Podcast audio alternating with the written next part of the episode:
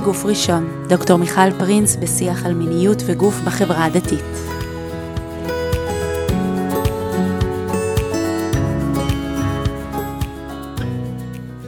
ברוכות וברוכים הבאים לפרק נוסף של הפודקאסט בגוף ראשון. בכמה פרקים האחרונים אה, עסקנו בנושאים של חינוך מיני, וכל פעם מחדש עלה המתח הזה של בין הפסיכולוגיה לאידיאולוגיה, בין החינוך למקום ההלכתי, למקום הרבני. והיום במפגש שלנו אנחנו נעסוק באחת מנקודות הקונפליקט אה, שבאמת מאתגרות מאוד את החברה הדתית, אה, ממש ככה במתח הזה, וזה התמודדות עם הנושא של, אה, של הלהט"ב, וכבר גם ניכנס לשאלה של איך להגדיר את, ה, את הנושא הזה. אה, כשההתמקדות שלנו היום תהיה בעיקר אה, בלהט"ב בגיל ההתבגרות, זאת אומרת, אה, בתוך מערכת החינוך הדתית, אה, אנחנו לא נעסוק בסוגיות שקשורות ללהט"ב דתי בגילאי 20 ו-30 פלוס. אה, ממש במיוחד בשביל להתעסק ב, במתח הזה של, של בין אה, אנשי הטיפול לאנשי ההלכה לאנשי החינוך. בשביל לדבר על זה, הזמנתי לפה את uh, הרב אבישי מזרחי, שלום. שלום, שלום, לכבוד הוא לי. Uh, שאותה אנחנו מכירים כבר כמה שנים, uh, ואתה מנחה מנהלים, ובעצם uh, כותב דוקטורט על הנושא הזה. ונתת לי קודם את הכותרת, ואמרתי, אני אתן לך להציג את הנושא, כי אני, אני גם חייבת לשאול גם מה הכותרת וגם איך הגעת לנושא הזה. כן, אז כותרת של המחקר היא ההתמודדות הרבנית עם הקונפליקט שבין הומוסקסואליות ויהדות. אה, זו הכותרת. אם את רוצה לדעת איך הגעתי אה, אל המחקר הזה, למרות שאחרי שסיימתי את התואר השני שלי בכלל בתלמוד, ועוד ביקרתי שנה במחלקה ליהדות זמננו באוניברסיטת בר אילן, איזה מחקר מיסטי על איזה מקובל טבריאני במאה ה-19. אה, זה נשמע הרבה יותר פשוט. הרבה יותר פשוט, אה, וגם מעניין. אה, אבל ככל שפגשתי יותר ויותר מהתלמידים האישיים שלי, בקונפליקט שלהם ובהתמודדות הסוערת והכואבת שלהם סביב הנושא הזה, הרגשתי שאני לא יכול רק להתבונן מבחוץ. ולהמשיך לחקור על איזשהו אה, נושא משמעותי ומרתק, אבל מהמאה ה-19, אלא, אלא באמת לגעת בלב הפועם והכואב, הקונפליקטואלי, שאנחנו, אה, שאני פשוט פוגש אותו אה, מול עיניי, ואני גם נמצא באיזושהי מבוכה גדולה מול הקונפליקט הזה, ולכן רציתי להתבונן בו. אני, אני כבר אגיד שאני יכולה להזדהות עם, ה, עם הלהט הזה. זאת אומרת, הזיהוי של משהו כואב שאתה לא יכול להשאיר אותו, גם אם אתה צריך להיכנס לעומק של משהו שהוא מאוד מאוד מאוד מורכב.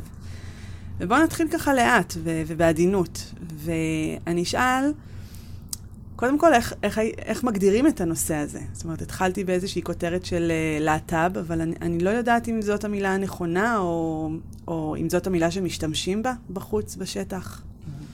כן, שאלה מצוינת. Uh, התפקיד, ה, נקרא לזה, האקטיביסטי שאני עסוק בו, חוץ מהכובע המחקרי או החינוכי שאני נמצא בו, אני מוביל השתלמות שהכותרת שלה היא התמודדות חינוכית עם נערים סלש נערות הנמשכים לבני מינם, אה, כמובן בחינוך הדתי, ולקח לנו שבועות ארוכים כדי לנסות ולפצח איזה שם אה, נכון, לא דורך, לא שיפוטי, לא מכאיב, לא מורכב, לא...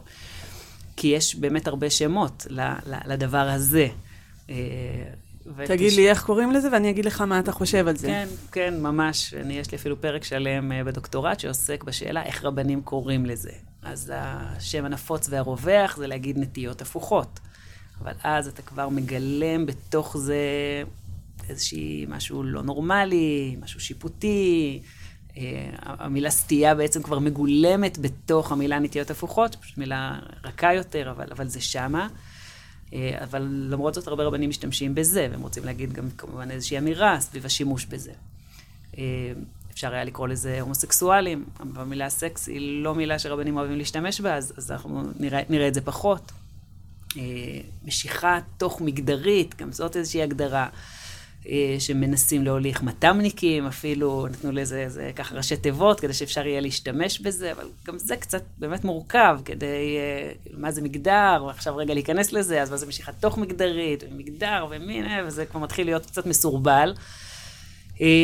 ויש עוד, עוד שמות במרחב הזה, ואני חושב שמשיכה של נערים לבני מינם, היא, זה קצת ארוך, זה לא ככה יותר קל להגיד להט"ב, הומו, או כאלה, כאלה משפטים, אה, מילים קצרות. אבל אני חושבת שזאת ההגדרה הכי, הכי נקייה, כי היא קודם כל מתארת מציאות קיימת, בסדר? זה מה שקורה. הנערים הללו נמשכים לבני מינם. עכשיו את כל האידיאולוגיות, רגע אחר כך אנחנו נעשה או נחשוב וכולי. אני עושה הרבה פעמים איזשהו תרגיל בתוך אה, חדר מורים, חדרי מורים שאני נכנס ומדבר בהם, ומבקש אה, מהמורים לנסות להקליט בגוגל. פשוט, כי אני חושב שהרב אולי הכי, מרא דאתרא, אולי הרב הכי חשוב היום בישראל, גדול הדור, זה הרב גוגל. ו- והרב גוגל באמת אה, הרבה מאוד אה, תשובות הלכתיות הוא נותן, והוא עונה לכל מיני שאלות, מצוקות, מבוכות, הוא גם לא רק רב, הוא גם דוקטור, כן, והוא הוא יודע הרבה דברים. הוא יודע המון, המון דברים, הוא מדהים הרב גוגל הזה. אה, ובעיקר נערים שנמצאים עמוק עמוק בתוך הארון, בגילאי התיכון שלהם. בדרך כלל, אני אומר, בחינוך הדתי, אין, אין עוד על זה ככה מחקרים סטטיסטיים, ואני יכול להגיד לפחות מהמפגשים שלי, רוב הנערים לא יוצאים מהארון בגילי התיכון. זה הולך ומתרחב, הגיל הולך ויורד, אבל, אבל בחינוך הדתי רוב הנערים יוצאים מהארון, כשאומרים יוצאים מהארון לא חייב איזה פוסט בפייסבוק, יכול להיות מתוודעים לה, להורים שלהם או למחנכים שלהם או לכמה חברים. זה קורה בדרך כלל אחרי, אה, אחרי התיכון, אחרי הצבא, ישיבת הסדר, בנות במדרשה וכולי, ולפעמים גם בגילים הרבה הרבה יותר מאוחרים. ולכן נקודת המוצא היא שהנער או הנערה שיושבים אצלנו בכיתה, הם קודם כל בתוך הארון. הם חווים משהו, אולי נדבר על זה בהמשך, ממתי הם חווים את זה, מה הם מרגישים שם, איך, איך, מה קורה שם כשמסתכלים ימינה ושמאלה, אבל הם נמצאים בתוך הארון, והם עכשיו שומעים את המחנך שלהם. הם שומעים מה המחנך אומר. אם המחנך קורא לזה, יש נערים עם נטיות הפוכות. אז הם בלילה אומרים, בואו רגע נראה מה, מה זה הדבר הזה, אולי, אולי אני שם. Mm-hmm. ואז הם מקלידים בגוגל, נטיות הפוכות. ואז אתה רואה את התוצאות הראשונות בגוגל.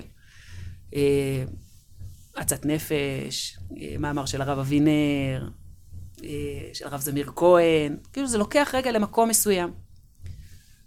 טיפולי המרה, שינוי, התאמה, גם, גם לפוליטיקה הזאת, אני לא רוצה רגע להיכנס, אבל, אבל זה הולך רגע למקום אחד של, של לשנות את האוריינטציה המינית, או, או בכיוון הזה. אבל אם הם יכתבו, למשל, יש גברים שנמשכים לגברים. ואז התוצאות הראשונות בגוגל, יהיה, יש אתר נורא נורא חשוב ומעניין שנקרא כמוך, שזה הומואים אורתודוקסים. זה כבר לא עצת נפש, זה משהו ככה קצת יותר באמצע, אבל, אבל די אורתודוקסי. אבל אם הם יכתבו, כי המחנך בכיתה אמר, כן, יש גם הומואים דתיים. אז יכתבו הומו דתי.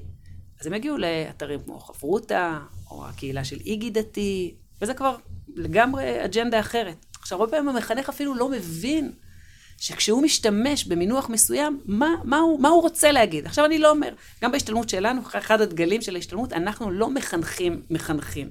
לא רוצים רגע אה, לכוון אותם לאג'נדה כזאת או אג'נדה כזאת. אנחנו רוצים רגע לפקוח את העיניים. בתוך עולם המושגים שלך, בתוך האידיאולוגיות שלך, האם אתה מבין את השפה שאתה בעצמך מדבר ואת ההשלכות ואת המשמעויות שלה? זאת אומרת, אם אתה חושב שנניח עצת נפש, מבחינתך זה, זה לא. זה, זה משהו שהוא לא באידיאולוגיה שלי. אבל אתה אומר, נטיות הפוכות, נטיות הפוכות, נטיות הפוכות בכיתה. והתלמיד שלך, לשם זה לוקח אותו. אז תבין את ההשלכות שלו.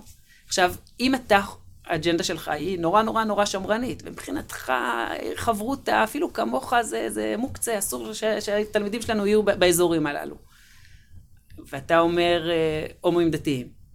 אז תדע לך ששם זה ייקח את התלמידים שלך. אז קודם כל רגע תבין כמה השפה שלך היא משמעותית. היא לוקחת לכל מיני אידיאולוגיות שונות. וואו, וואו. זאת אומרת, יש פה איזשהו רובד שגם אם לא תרגמנו אותו לידי מעשה או לידי התייחסות או לידי שיחה עם אותו נער, כבר עשינו משהו. נכון. כן. ו- ויש לי איזה כוכבית לשים, ואני שואלת אותך מתוך מה שאתה רגיל לעשות בתרגילים בגוגל, זה שגם יכול להיות שכשהוא יעשה גוגל הוא יפגוש תכנים אחרים לגמרי. זאת אומרת, הלוואי והוא יגיע רק לאתרים הדתיים שעוסקים בצורה אה, מקצועית ב- בתחום הזה. אה, אנחנו, אנחנו לגמרי צריכים לקחת בחשבון, אה, ואני אומרת את זה פה, כי גם אם עכשיו נלך לעשות, לעשות את התרגיל הזה בבית, אה, אנחנו נגיע למקומות שאנחנו לא רוצים להיות בהם. נכון. וזה צריך לחדד שוב ושוב ושוב למחנכים. זה נושא, זה קשור בכלל למרחבי מיניות בריאה, כי כשאנחנו לא מדברים על זה, זה לא שאף אחד לא מדבר על זה, זה לא שיש חלל ריק או ואקום, מישהו מדבר את זה. נכון. והמידע נמצא, איזה מידע, מה יש שם, מה קיים שם, כמה הוא מפוקח, כמה הוא לשביעות רצוננו, המחנכים או דמויות הסמכות או ההורים. כן. אוקיי, אז, אז בוא, בוא עכשיו נלך צעד אחד קדימה, ו... ונשאל על אותו נער ש... שמתמודד, אותו נער שיושב בכיתה, היום אין לנו כיתה לשבת בה, שזה עוד יותר ככה מחדד המון המון שאלות. אה, אבל איפה הוא? מה הוא מרגיש? אה, באיזה מרחבים הוא מסתובב? כן. אז יש לנו בעצם כמה מעגלים. יש קודם כל את המעגל, נקרא לזה האטמוספירה הכיתתית. מה, מה קורה בכיתה? מה הנער שומע? איזה דיבורים מתרחשים לידו? בדרך כלל הגילים הם, שבהם הנערים הללו נחשפים לזהות המינית המורכבת, מיוחדת, אולי אחרת שלהם, אה, אני יודע שיש מחקרים שמדברים, מחקרים רטרוספקטיביים שמדברים על גילאים נורא נורא מוקדמים, אפילו גילאי היסודי, שכבר אה, נערים או נערות מרגישים משהו ו- ויודעים אחר כך להגיד... אה, שבגיל 25 אתה יכול להגיד, אה, אני זוכר שבגיל כזה וכזה כן. קרה משהו, או, או הבנתי שאני mm-hmm. כזה. נכון, אבל בוודאי בגילאי ההתבגרות הראשוניים, נניח ז'-ח' כזה, אם אני נכנס לתוך כיתות של בית ספר, כבר הם, הם מרגישים משהו יותר. לא תמיד הם יודעים לתת לזה שם, הם לא תמיד יודעים בשלב הזה גם לגמרי להגדיר מה, מה בדיוק עובר עליהם. אה, אחת החוויות אולי המאוד חזקות שהיו לי בהתוודעות שלי לתל, לתלמידים האישיים שלי, זה לימדתי בישיבה התיכונית בפתח אה, תקווה, אצל הרב שי פירון. והוא, חלק מהאג'נדה שלו, עוד הרבה לפני אופק חדש ועוז לתמורה, הוא אמר, מחנך צריך לדבר עם התלמידים שלו. אני משלם חמש שעות שבועיות למחנכים אה, לעשות שיחות אישיות עם תלמידים. ככה שכל חודש אתם הקפתם את כל הכיתה שלכם שיחות, שיחות, 20 דקות, חצי שעה לפחות עם כל תלמיד. ואני יושב עם אחד התלמידים שלי, נער מתוק, עדין, חמוד, באמת, אה, עם פנים מהירות. והוא משתף אותי, הוא אמר לי, הרב, תקשיב, אני מתבייש מהבנות אה, בשבט שלי. אני, אני אשמח מאוד אם תעזור לי אה, איך אני, איך אני מתחיל איתם, איך אני מייצר דינמיקה עם הבנות בשבט. עכשיו, זה... מצד אחד נורא התרגשתי, אמרתי, וואו, מקסים, איזה יופי, הילד רואה בי כתובת, נותן אמון, אה, דמות משמעותית מבחינתו, והוא רוצה לשתף אותך. מצד שני, דחילק, אני אומר, מה אתה, אתה רוצה שאני אעזור לך להתחיל עם הבנות בשבט? זה, זה, אני, אני כרב אה, בישיבה תיכונית, עכשיו יעזור לתלמיד אה, להתחיל עם הבנות, שזה לגמרי רחוק מתפיסות העולם שלי, והחינוך, ומה שאני חושב שנכון וראוי וכולי. אבל שם זרמתי, אמרתי, אני אמפתי עד הסוף, ובאמת באשר הוא שם. הרבה שנים אחר כך, כשהנער החמוד הזה יצא מהארון, והייתה לנו שיחה ארוכה בעקבות זה, אז הוא אמר לי, תדע לך הרב שאתה היה, היית האדם הראשון שיצאתי בפניו מהארון. שם, שם, בשיחה האישית ההיא, הוא אומר, לא אני הבנתי מה היה שם, לא אתה הבנת מה היה שם, אבל בעצם זה היה הרגע שבו כנראה הבנתי שאני אני, אני לא כמו כולם, בסדר? אני, אני נמשך לבני מיני. אבל, אבל זה עדיין שלב נורא נורא צעיר. זאת אומרת, הם יכול להיות שהם מרגישים בשלב הזה משהו. חלק יודעים להגיד את זה לעצמם, חלק לא, אבל החקירה הפנימית הזאת. ולכן המרחב הכיתתי או החברתי, אה, הוא משחק תפקיד מאוד מאוד חשוב, מאוד. אם הומו זה קללה, אז, אז זה רק גורם לנער להתכווץ, אה, להתכווץ עוד יותר. הייתי ממש לא מזמן באיזושהי ישיבה תיכונית, אני נכנס לכיתה, כיתה ט', אפילו לא איזה חבר'ה צעירים, והיה לנו שיח בנושא הזה, ואתה שומע משפטים מאוד מאוד קשים. זאת אומרת, ברמה שתלמידים אומרים, זה, זה איכס, זה מגעיל אותי. אה, הם, הם צריכים למות. צריך אה, לקחת אותם לבתי חולים לחולי נפש. עכשיו, אחד התלמידים הגדיל לעשות, אומר, מה אצלנו בבית, ככה מדברים על זה. עכשיו אני מעלה את אימא שלי על הטלפון, אתה תשמע שגם היא אומרת וואו. ככה. והוא לא, לא חושב פעמיים, לא מבקש רשות, הוא מיד מצלצל לאימא שלו, שם אותה על ספיקר, ואומר, ואומר לה, אימא, תגידי, יש כאן איזה מישהו שבא לדבר איתנו על רגישות להומואים וזה, תגידי לו מה את חושבת. והאימא זורמת עם, עם, עם האמירות של הילד. עכשיו, אני רגע חושב שנייה על, על, על הנער הזה, שזאת התמודדות חייו. זאת חוויית החיים הכואבת, המיוסרת שלו, והוא מסתכל ימינה ושמאלה ורואה את התלמידים שלו בכיתה, מה, מה, הם, מה הם אומרים, מה הם חושבים. עכשיו, כשמישהו אומר, זה מגעיל אותי, זה... אני, אני רגע חושב על הנער ההוא, וגם אני מתכווץ. אני אומר, אז מה הוא חושב?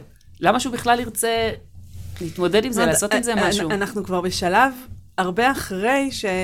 אולי לא הרבה אחרי, אבל אחרי שהוא כבר חושב על עצמו. זאת אומרת, ההתמודדות היא לא עם המשיכה עצמה, ההתמודדות היא עם העובדה שהוא בארון, ואיך מתייחסים לארון הזה. כן, אבל אולי הוא עוד מתלבט לגבי הזהות שלו, בשלב הזה. ואז הוא שומע את הסביבה, ואז הוא אומר לעצמו, אני לא יכול להיות כזה, אסור שאני אהיה כזה, אני מבין איזה מחירים אני הולך לשלם. והמחירים הם כבדים, זה החברים הכי טובים שלו לפעמים, או הדמויות הדומיננטיות בכיתה, כשהוא שומע את האמירות האלה, זה מהתלמידים.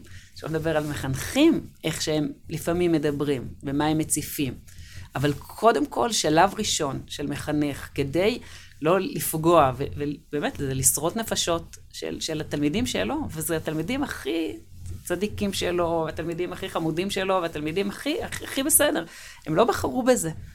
זה מאוד חזק, מה שאתה אומר, כי נגיד המקום שאני פגשתי את זה מול הילדים שלי, היה שיום אחד הם ירדו מהסעה ונכנסו הביתה בשעתה, והיו מאוד צעירים, ו- ונכנסו ואמרו, אמא, מה זה הומו? ו... וישבנו לארוחת צהריים, והסברתי להם, ואז אני זוכרת שאולי אחת הבנות אמרה, אבל, אבל למה הילד בהסעה כאילו קילל עם המילה הזאת? זאת אומרת, אחרי שהם הבינו את המציאות, כמו שאמרת בהתחלה, זאת אומרת, קודם לתאר את המציאות, אז, אז, אז זה לא קללה. ואמרתי להם, נכון, ושיש אנשים שמתייחסים לזה כקללה, ו, ובאמת שם היה איזה רגע גם של בואו נדבר על זה, בואו נשים את הדברים שתכירו ותדעו, וגם אה, לנקות פה איזשהו משהו. Mm-hmm. אז, אז בעצם נניח, אז לילדים אין את האקלים בבית, אבל מה התפקיד של המחנך שם? כן, אז, אז לגמרי. המחנך קודם כל צריך להיות מתאר אוויר.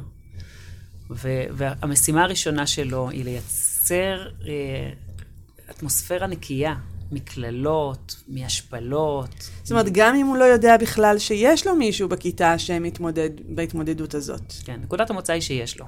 בכיתה. בסדר? Okay. אוקיי. זו נקודת המוצא שחייבת להיות. יש בכיתה. בכיתה יושב לו כנראה, אם הסטטיסטיקה לא משקרת, ויש מחקרים אה, אה, של, של מאות אלפי, אלפים בכל התרבויות, ופחות או יותר המספרים דומים בכל העולם. שניים וחצי אחוז מה, בכלל, מהגברים בעולם הם הומוסקסואלים מוחלטים. ועוד פלוס מינוס שישה נמצאים אה, על, על איזשהו רצף, באיזשהו מנעד של, ה, של הבי, אה, והשאר סטרייטים, בסדר? שוב, וגם שם יש עוד כמה בהתנהגויות, אבל לא ניכנס לזה, אבל לפחות, לפחות, לפחות, אנחנו מדברים על קרוב לעשרה אחוז מהתלמידים שהנושא הזה מעסיק אותם. או כי הם, אה, בין אם יכולים להשתנות, לא יכולים, או הרגישו משיכה, או, או מעגל שני, כי אח שלהם, הבן דוד שלהם, החבר שלהם, זאת אומרת, זה, זה, זה סיפור שמעסיק, מטריד, אה, לחלקם הוא מאוד מאוד מאוד קיומי, ואם אנחנו מדברים על מספרים כאלה, אנחנו מדברים על תלמיד, שניים, שלושה, כאלה שיושבים בכיתה שלנו. והתפקיד שלנו המחנכים, קודם כל שהאוויר בכיתה יהיה נקי. זה דיני נפשות, ממש. כי שהילדים האלה, הרכים האלה, מתוסבכים כל כך עם עצמם עכשיו, עוברים אה, חוויה אישית נורא נורא מטלטלת. הדבר האחרון שהם צריכים לשמוע זה ש, שהומו זה קללה, ושהם מגעילים. עכשיו, יש איב סדריק טענה, שבוודאי אצל גברים הסיפור של כל הגברים הוא סיפור הומו-חברתי. כולם נמצאים על איזשהו רצף. בסוף גברים אוהבים להיות עם גברים, אוהבים לשחק איתם כדורסל ולשתות איתם בירה ולהיות איתם בהרבה מאוד מקומות. אבל עד המקום שבו זה מתחיל להיות אינטימי, רגשי, לא, לא נראה שני גברים בישיבה תיכונית הולכים יד ביד. נכון, לא מקובל, באולפנה זה לגיטימי, אבל... זה לגיטימי מאוד. כן. לא נראה נער מניח את ראשו על רגליו של חברו. לא, לא לגיטימי. זאת אומרת, יש איזשהו קו כזה שנחצה.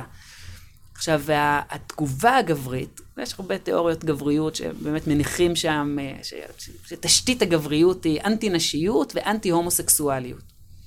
ולכן, אה, האינסטינקט של, של הרבה נערים הוא, הוא גועל, הוא, הוא התרחקות ממש, מרגיש, זה מאיים עליהם, זה, זה, יש שם איזושהי חרדה מהומואים, מהתנהגויות כאלה. עכשיו, צריך גם להקשיב לזה, לצד השני, צריך להקשיב רגע מה, מה מניע את התלמידים האחרים, מה מניע את התגובות שלהם, אבל בסוף לזכור שהתגובות לתגובות הללו של התלמידים שלנו, יש מחיר. יש מחיר, וזה מחיר ממש בדיני נפשות. אתה, אתה אומר דיני נפשות, תתעכב רגע על הנקודה הזאת. כי הסטטיסטיקות הן אה, קשות מאוד, קשות כשהם, מאוד. כשמגיעים לדבר על, אה, על הומואים דתיים. נכון, נכון. הסטטיסטיקות הן קשות, אחד באובדנות, אנחנו מדברים על, אה, שוב, ממחקרים על פי שתיים, עד אפילו פי חמישה. פי שתיים מהאוכלוסייה הרחבה. מהנערים, מהאוכלוסייה הרחבה, כן. כן. אז, התאבדויות אז... סביב הזהות מינית, אה, נטיות מיניות וכולי, אה, התאבדויות בהקשר הזה רחבות וגדולות ומשמעותיות מאוד. זאת אומרת, אותו, אותו נער או בחור או איש שלא מוצא את עצמו מבחינה חברתית. נכון, נכון. עכשיו, אני לא פגשתי אחד, ופגשתי עשרות. קראתי מאות מונולוגים, טקסטים, אה, כל מיני מכתבים אישיים של אחד, אחד לא פגשתי שהנטייה האובדנית לא הייתה על השולחן. לא פגשתי אחד כזה. עכשיו, ברמות שונות. חלק זה היה מחשבה, חלק היה ממש ביצוע, חלק ממש ניסו אה, אה, לשים קץ לחייהם. אז, אז זה דבר ראשון שצריך להיות מונח על השולחן, זה ממש ממש דיני, דיני נפשות. נפשות. עכשיו, הנקודה השנייה, ובעיניי היא משמעותית לא פחות, אני דוס, בסדר? אני, אני, אה, החיים שלי הם חיים תורניים, ואני אוהב את קודשא בריחו, ומאמין במצוותיו ובתורתו הנצחית, ואני מחנך לזה. אנחנו מאבדים את הנערים האלה גם במקום הרוחני והדתי. בסוף, בסוף, בסוף, הם לא מוצאים את עצמם בתוך עולם דתי. וזה צריך אה, גם להיות לנו, איפשהו כמחנכים, אם הם חשובים לנו, ואם הנערים שלנו יקרים לנו, גם הגוף שלהם יקר לנו, וגם הנפש שלהם יקרה לנו, וגם הרוח שלהם והאמונה שלהם. לי יש תלמידים שבאמת אולטרה דוסים, ממש, בוגרי ישיבות הסדר, למדו במקומות הכי הכי, הם, כאילו, יש להם DNA של אנשים מאמינים. אבל בסוף העולם הדתי לא, לא נתן להם מקום. לא נתן להם מקום, ואולי גם לא יישב להם אה, אה, דילמה, דילמה אה, של מחויבות לקדוש ברוך הוא. זאת אומרת, הם לא מצליחים לייצר, לא הם ולא אנחנו כחברה או המחנכים והרבנים, איזושהי שפה שתכניס אותם בצורה שהיא, אה, אני לא אגיד נוחה, זה לא צריך להיות נוח, אבל, אבל מיושבת. Mm-hmm. אני חושבת שמתוך המקום הזה, אנחנו יכולים רגע להגדיר שיש שוני מאוד גדול בין התבגרות של הומו דתי לבין התבגרות של הומו חילוני. אה, אה, נניח אם תוכל ככה קצת לסדר לנו את הדבר הזה, כי זה, כי זה באמת, ושוב, זה חוזר ל, לרב גוגל, כן? מה נמצא שם, יכול להיות שאני אמצא שם דברים שהם בכלל לא רלוונטיים לאותו נער שמתבגר בחברה הדתית. כן, אין, אין ספק שההתמודדות בחברה הדתית עם הסוגיה הזאת היא לאין ארוך הרבה יותר אה, מורכבת ונפיצה מאשר בחברה חילונית, ואני אגיד בסוגריים, זה לא שאין אה, לנערים או נערות אה, להט"בים בחברה החילונית, הם נטולי התמודדות, ושם יש קבלה וחיבוק והכול אה, על לא, מי מנוחות. לא. אבל, ועדיין, בחברה הדתית יש עוד איזה... אה, אפשר לקרוא לזה משקולת, אפשר לקרוא לזה מגדלור, אני, אני לא, רגע, לא נכנס במה זה, אבל התורה שלנו, אה, בוודאי, היא, היא חלק מאוד מאוד מרכזי בקונפליקט הקיומי הזה. אה, שמעתי מלא מעט רבנים, באופן הכי פשוט, ואמרו, אם, אם לא הייתה תורה, אם התורה לא הייתה אומרת, ועת זכר לא תשכב משכבי אישה תועבה היא, לא היה כאן קונפליקט. ברור שהיה צריך לעודד ולאפשר ולתת, זה לא לא הקונפליקט בכלל לא מתחיל. אני חושב שזה לא מדויק, כן, כי, כי גם בעולם החילוני, שלא מחויב לתורה ומצוות, הקונפליקט עדיין קיים. כי יש כאן משהו חברתי, ומשהו, יש כאן עוד הרבה הרבה אלמנטים שנמצאים כאן במרחב. אבל אין ספק שהייתה יורדת כאן איזושהי משקולת כבדה. אבל אני מצד שני לא רוצה להתייחס לתורה כמשקולת. התורה היא, היא מגדלור, התורה היא דרך, היא, היא אור, אנחנו מאמינים לגמרי בתורה הנצחית שלנו. עכשיו, כל הדוקטורט שלי בעצם עוסק במקום הזה. זאת אומרת, איך העולם הרבני, התורני, מתמודד עם הקונפליקט הזה. יש כאן קונפליקט קיומי, יש כאן קונפליקט תיאולוגי, אה, בחירה חופשית אה, מול... אה, בסדר? אני חושב שבאופן כללי, הנערים והנערות הללו, הדתיים, הלהט"בים הדתיים, הם, הם מוכיחים כמה אין, אין כאן באמת בחירה. אני, כי אני לא פגשתי אחד אחד לא פגשתי, שאמר, וואלה, אני רוצה, זה מגניב, זה נחמד, וואלה, איזה כיף, יש כמה סלבים כאלה שגם אני רוצה להיות כזה. אף אחד לא, לא היה במקום הזה. זאת... כולם, כולם, כולם, כולם הלכו למסלול של השתנות, שרצו רגע להיות אחרים, שהתפללו, שבכו, שהתייסרו, שזה... וגם, וגם היום, גם אנשים שכבר כבר השלימו עם המקום שלהם, ואפילו יצאו מהארון, ועדיין, אם נגיד להם, חברים, מחר יש איזה כדור פלא, פייזר המציאה לא רק חיסון לקורונה, אלא גם איזה משהו שמשנה נטיות ככה, בחיסון אחד קטן, כולם אומרים, אני שם, לגמרי. אין לי בעיה, לא, לא רוצה לעבור את מסכת האיסורים הזו ש, ש, שעברתי. ולכן גם אין כאן אלמנט, שוב, בחוויה הקיומית, אין כאן אלמנט של בחירה, לפחות נכון שהבחירה היא נמצאת, בסדר, זה קיים, ועכשיו, מכאן מתחילה הבחירה שלי, מה אני עושה עם, עם, עם הנטייה. עכשיו, גם ברמה ההלכתית-תורנית, שהוא, אני אומר, ב-99% מהעולם הרבני, לא אומר שיש משהו רע בנטייה. אין, אין שום איסור. הקדוש ברוך הוא לא אסר נטי, על נטייה. הוא לא אמר, אסור להימשך לגברים. כמו שקדוש ברוך הוא לא אמר, אסור לאהוב חזיר, בסדר? או אסור אה, לרצות לדבר לשון הרע. יש איסור על הפרקטיקה המעשית. וזו הבחנה מאוד משמעותית. בוודאי למחנכים בתוך מוסדות תורניים שפוגשים תלמידים. קודם כל, גם אם הם פוגשים מישהו שעכשיו נמשך לבני מינו, אין בזה שום איסור. שום איסור. אפס איסור יש בה בעצם הנטייה, בעצם המשיכה. לא קרה כאן שום דבר. והמחנכים נמצאים שם, או שצריך להביא לא, אותם לשם? לא, צריך להביא אותם לשם. יש מחנכים שממש צריך להביא אותם לשם. כאילו, כמה שזה נראה לנו נורא נורא פשוט. יש הרבה מחנכים ש...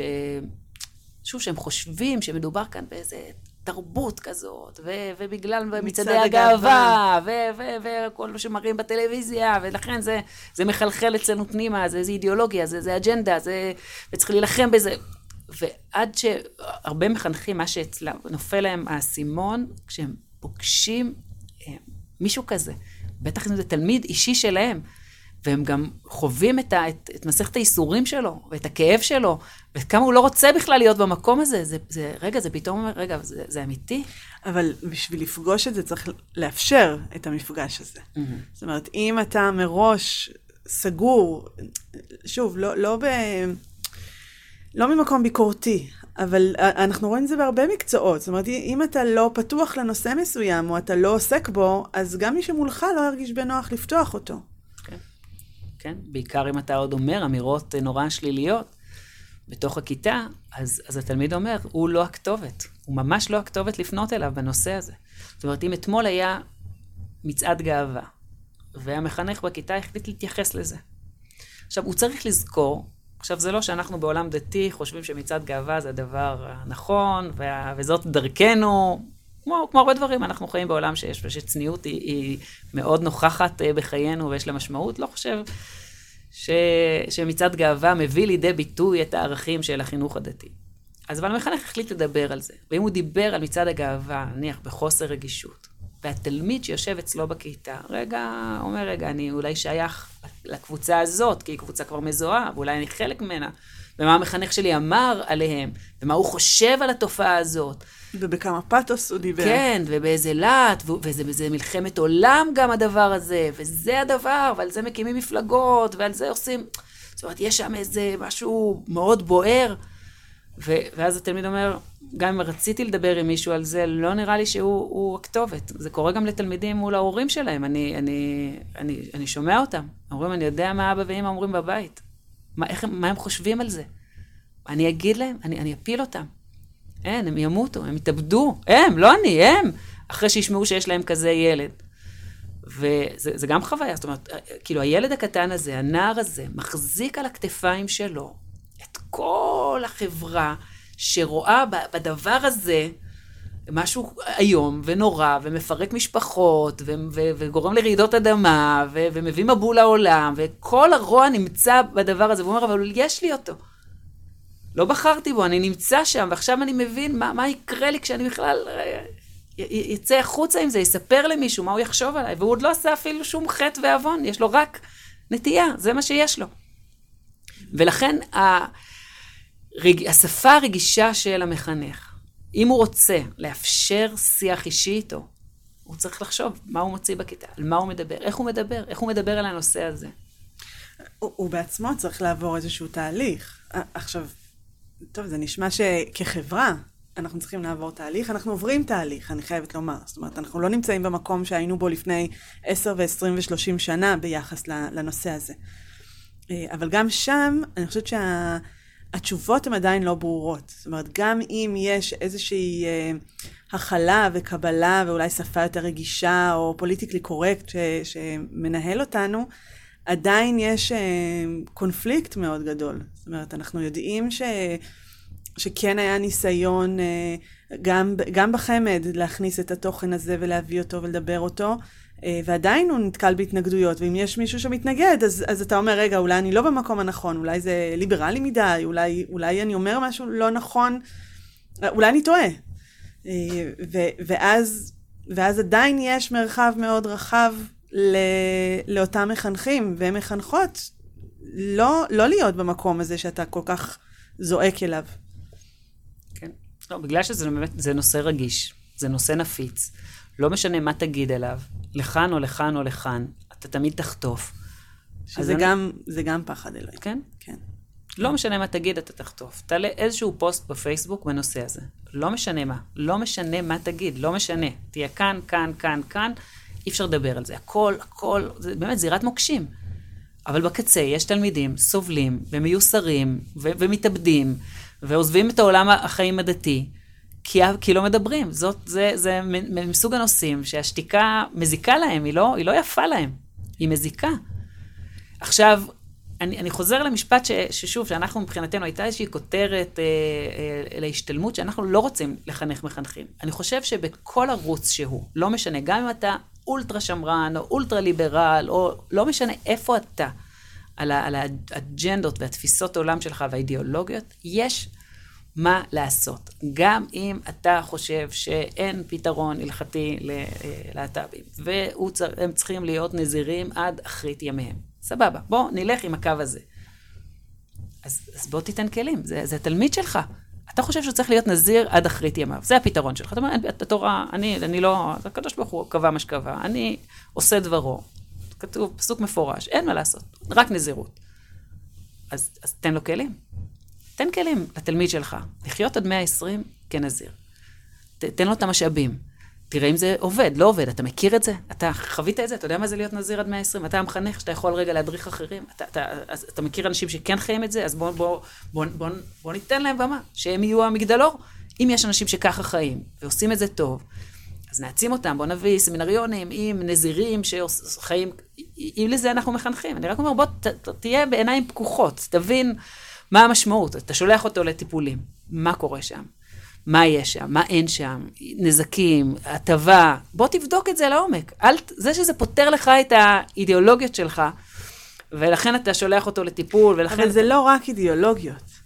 זאת אומרת, לפעמים האידיאולוגיה מסתירה מאחוריה את אותו פחד, את אותו פחד חברתי להתעסק עם זה, את אותו פחד שמה זה אומר עליי, את אותו פחד של מה זה, מה, מה זה יעשה למוסד המשפחה. זאת אומרת, אם אני עכשיו אפתח פתח, אז המדרון החלקלק. זאת אומרת, הרבה דברים יכולים לקרות אם אני אפתח את העיניים, אם אני אדבר על זה, אם אני uh, אתן מקום למשהו שהוא אני אומרת במרכאות, לא רואים אותי בהאזנה, אבל אם במרכאות כפולות ומכופלות, מסכן את החברה שאני מאמין בה.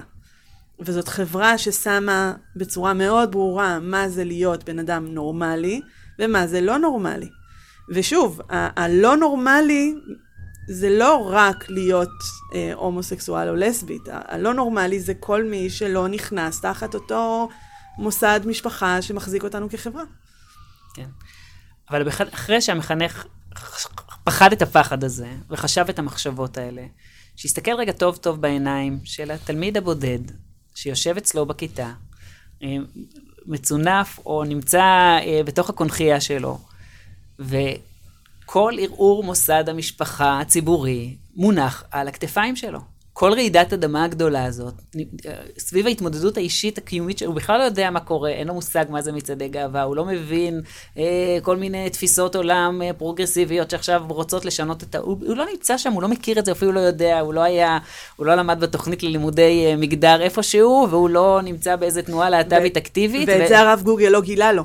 לא גילה כל לו. כל הדברים כן, האלה. כן, נכון. ו- ובסוף יש לו רגע את ההתמודדות הקטנה האישית שלו. ו, וכשהוא רוצה לקבל את הסעד ואת הקשב, הוא פתאום נתקל באנשים באמת מלאי אידיאולוגיות מולו. עכשיו, הזכרת את הסיפור של נורמלי, לא נורמלי. אני, אני חייב להתייחס לזה רגע באופן רחב. הוא נוגע גם לסוגיה הלהט"בית, אבל אני חושב שהוא הוא, הוא, הוא נכון תמיד. אה, בין המרחב הפרטי למרחב הציבורי. אני חושב היום שנכון יותר ויותר אם אה, שלמה המלך אמר חנוך לנער על פי דרכו, גם כי יזקין אה, לא יסור ממנה. אז באמת הרבה ניסו להסביר מה זה על פי דרכו. תמיד אמרנו, טוב, אם הוא קטן, אז תשחק איתו במשחקים, וכשהוא נער, אז תעביר את המסרים דרך הסמארטפונים, וכשהוא גדל איזה, אבל גם כי יזקין לא יסור ממנה, זה לא כך מסתדר, כי אז הוא יישאר עם הדרך הזאת גם כשהוא מזקין, וזה לא ממש נרצה. לכן הרבה פרשנים אמרו, חנוך לנער על פי דרכו, על פי דרכו זה על פי מזלו, על פי אישיותו, פי קווי האופי שלו. כל ילד צריך לצמוח, אבל ילד צריך לצמוח על פי עקומת הגדילה האישית שלו. אני, אחד הדברים שבאמת עשו לי שינוי אה, מאוד דרמטי בתפיסה החינוכית שלי, הייתי מנהל חטיבת ביניים שמונה שנים, ונכנסתי לשיעור של מורת חינוך מיוחד אצלי בחטיבה. היא עומדת מול שמונה תלמידים, ופשוט מרגש לראות שמונה תלמידים. לתלמיד אחד היא מגישה אה, חומר של אה, ג' ד' במתמטיקה, ולתלמיד אחר טקסט בשפה ברמתו. ושניים, שניים, שלושה תלמידים, היא לוקחת אותם ומעבירה להם איזה יחידת תוכן. ולאחר היא כותבת משהו על הלוח והוא מתרגל, והוא עם אוזניות. מדהים, למידה דיפרנציאלית. זאת אומרת, יש כאן שמונה תלמידים, אבל כל אחד יש לו את המסלול הלמידה שלו. האבחונים הפסיכודידקטיים עשו באמת שינוי דרמטי. פעם אמרנו, יש תלמידים עצלנים, ותלמידים מפגרים, ותלמידים מטומטמים, ולא יודע, נתנו כל מיני תוויות לתלמידים. פתאום אמרו, רגע, רגע, רגע. למידה מותאמת, לא רק היבחנות מותאמת, הארכת זמן ולהיות עם אה, נוסחאות, אה, דף נוסחאות, אלא, אלא אם מלמדים אותם באופן מותאם, הם יגיעו להצלחות לא פחות מאחרים. כי לאחד יש זיכרון שמיעתי טוב, ולאחד זיכרון חזותי טוב, ולכל אחד יש לו איזה שרירים נורא חזקים, ואם אנחנו נעבור דרכם הוא יצליח, ואם נעבור דרך השרירים החלשים שלו הוא פחות יצליח. אין כבר כולם. פרסונליזציה בחינוך. עכשיו, ואת אותו דבר אני אומר, בואו נתרגם גם לעולם רוחני, חינוכי, אמוני. צריך לעשות גם אבחונים דוסו-דידקטיים, לא רק פסיכו-דידקטיים. בסוף, לכל ילד, לכל אדם בעולם, יש את המסלול האישי שלו אל ריבונו של עולם. אתן דוגמה פשוטה, בסדר? אם יש לנו נער עם הפרעות קשב וריכוז, אני גר באור עקיבא. תפילות אצלנו זה לא 20 דקות, 30 אה, דקות, זה תפילה זה תפילה, זה פתח אליהו וקורבנות ופיוטים. תפילת שבת זה שלוש, שלוש פלוס אה, שעות שזה תפילת שבת, ואם זה חג, ואם זה יום כיפור, וימים נוראים, אנחנו מדברים על תפילות נורא נורא ארוכות. עכשיו, מה קורה לנער מהפרעות קשב שנכנס עכשיו למניין כזה? זה זה, זה לא רק לא מקרב אותו לריבונו של עולם, התפילה שאמורה להיות מפגש אותנטי של אדם עם אלוקיו, הופכת להיות חוויה מרחיקה, לא חוויה מקרבת. אז ברור שלנער הזה, עבודת השם שלו, לכתחילה, היא לא להגיע למניין כזה. הוא לכתחילה צריך למצוא את מניין הקר ליבך הסוער והמלא ריקודים. הוא צריך למצוא את המניין הקצר שידייק מאוד את התפילות שלו. הוא צריך למצוא את, ה, את החליפה הרוחנית שלו, שתקרב אותו לריבונו של עולם. עכשיו, אז זה די ברור לנו בתפילה, ובאמת יש גם הרבה פסיקות הלכתיות כאלה והכוונות כאלה, אבל לא בשפה מחריגה. המקום הזה שאומר, יש לכתחילה, יש איזשהו מודל שכולם צריכים להיות, ויש בדיעבדים כאלה. יש אוסף של חריגים. איזו תחושה נוראה זו להיות בדיעבד, להיות חריג, להיות הלא נורמלי. כי יש איזה נורמה, יש את דמות הבוגר הרצויה, ואני, מה לעשות, הזנב של, ה, של הדמות הרצויה הזאת, ובסדר, מקסימום נותנים לי איזושהי הכלה, מקסימום אומרים לי, מרחמים עליי, מלטפים אותי, אבל אני לא לכתחילה בעולם. ו- ואת ה, את ה... קודם כל את השפה הזאת של נורמלי, לא נורמלי, לכתחילה בדיעבד, את זה צריך לשבור. בסוף אתה נכנס כמו המורה לחינוך מיוחד, אתה נכנס לכיתה עם 30 תלמידים, ותחנך ות, אותם דיפרנציאלית. יש כל אחד יש את המסלול האישי שלו, והם לא צריכים להתחרות ביניהם. אני יותר ככה ואני יותר אחרת ואני... לא, לא, לא, לא. לא. כל אחד צריך להיות ביחס לעקומת הגדילה שלו, לעקומת הצמיחה הרוחנית שלו, האמונית שלו, התרבותית שלו. אה, זה מורכב קצת, אתה יודע, לנבא בחינוך, לא תמיד יודעים לאן כל אחד לא, צריך. אני מאוד מאוד אוהבת את מה שאתה אומר, וזה ישר זורק אותי למיליון דברים אחרים, וגם בכלל לעשייה סביב מיניות, עד כמה שהגדירו לנו מה זה נורמלי, ו- וכמה אנשים הם לא נורמליים מהבחינה הזאת. אני, אני נשארת עם השאלה, האם יש לנו מה להציע? זאת אומרת, בעקומת הגדילה הספציפית שלך כבעל אה, נטייה מסוימת, האם יש לי כמחנך או מחנכת אה, מה לומר? האם אנחנו מספיק בטוחים בעצמנו מבחינה, כציבור, לבוא ולהגיד, הנה, שברנו את הלכתחילה ובדיעבד, אבל הנה, תראה, זאת הדרך שלך בעולם. כן, אז תראה, זו סוגיה מאוד מאוד מורכבת. זאת אומרת, הדוקטורט שלי עוסק בזה, בניסיון רגע להבין אני מה... אני מחכה כבר, יאללה, מה לעולם אותו. הרבני, מה לעולם הרבני שלנו, הציוני-דתי, יש להגיד בנושא הזה, ואני באמת מנסה לפרוס מקצה לקצה, בגבולות האורתודוקסיה. אה, מה יש לעולם להגיד? אז אני אומר, אבל גם, בוא נניח, שאני הרב הכי שמרן שיש, בסדר? ואני חוזר שוב לדוגמת הנזירות. אז זה התלמיד שלי, והוא צריך לחיות בנזירות עד אחרית ימיו. זה, ככה, זה, זה האופק שלו. עכשיו, עדיין, אני צריך להגיד לעצמי, רגע, אבל זה, זה הלכתחילה שלו בעולם. הלכתחילה שלו בעולם זה להתמודד, זה להיות בן הזי כזה. שמעתי איזה רב, רב אחד שפגשתי ושוחחנו עמוקות, הוא אומר, כן, זה, זה התפקיד שלהם בעולם. כמו בן הזי, לא רצה להתחתן ולעסוק בתורה, מצוין, הוא יהיה רמטכ"ל, הוא יהיה, לא יהיה לו עול משפחה, הוא לא יצטרך לפרנס, הוא לא... זה בסדר, אני, אני אומר, זה, זה כיוון מעניין, להגיד, רגע, אני מבין רגע, זה המשמעות שלו בעולם, אבל זה המשמעות שלו לכתחילה. זה, בשביל זה הוא הגיע לעולם, זה המסלול שלו.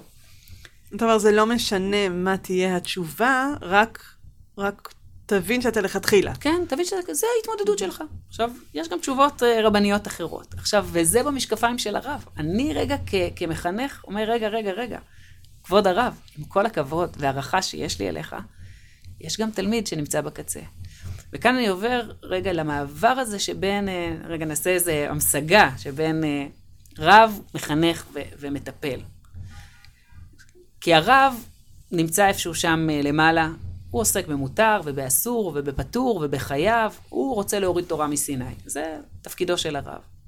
הוא מושך את צאן מרעיתו אליו. תפקידו של המטפל זה לראות את המטופל שלו, לדאוג לרווחתו הנפשית, באשר הוא שם. זה, זה מה שמעניין אותו.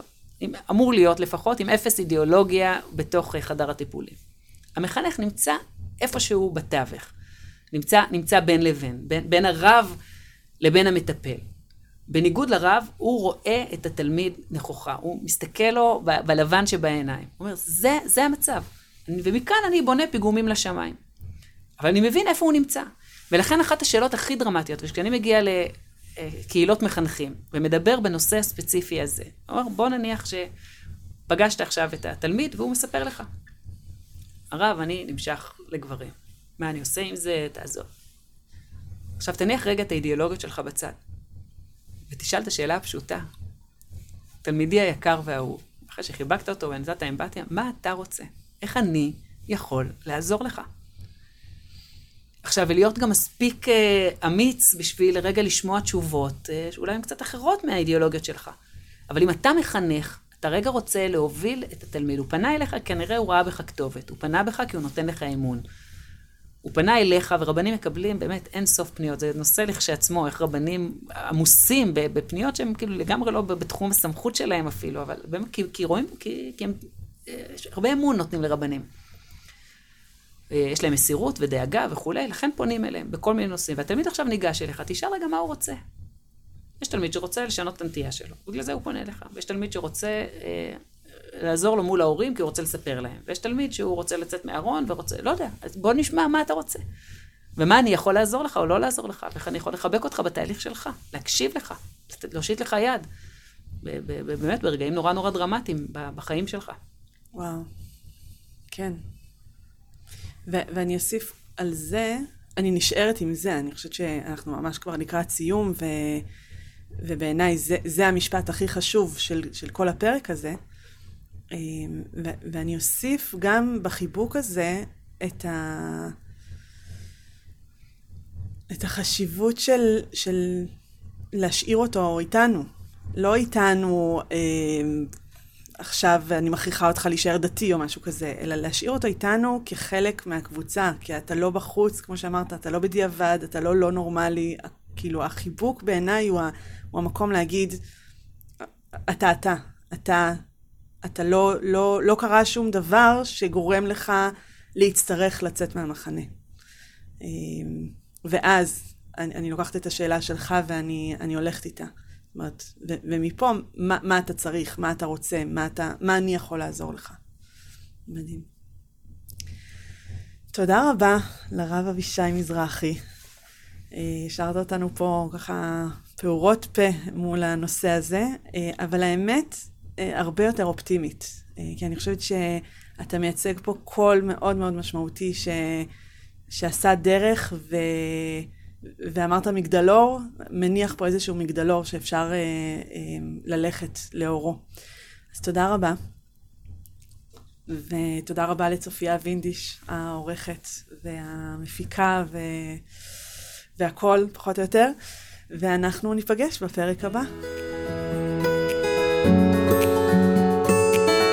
בגוף ראשון, דוקטור מיכל פרינס בשיח על מיניות וגוף בחברה הדתית.